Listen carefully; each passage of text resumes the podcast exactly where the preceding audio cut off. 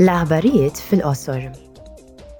Illum il-Kumitat għall-Kontroll tal-Baġit se jkollu smigħ mal-Kummissarju Hahn fil-kuntest tal-proċedura ta' kwittanza għas-sena finanzjarja 2021.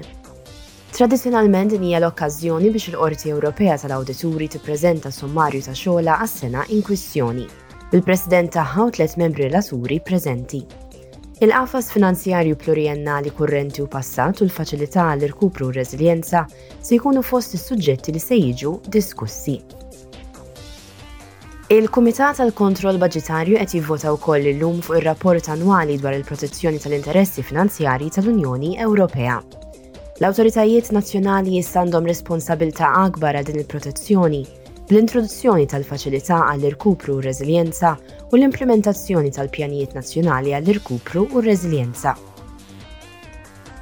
Għada l-Presidenza Ċeka tal-Kunsill se tospita l-avveniment ta' Eluq tas-Sena Ewropea taż-Żgħażagħ 2022.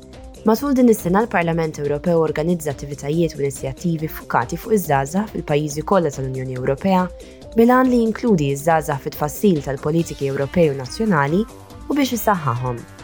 Il-membri tal-Parlament Ewropew assiguraw żieda ta' 8 miljun euro għal programmi Erasmus Plus u l-Korp Ewropew ta' Solidarjetà biex jappoġġjaw l-attivitajiet ta' matul is-sena.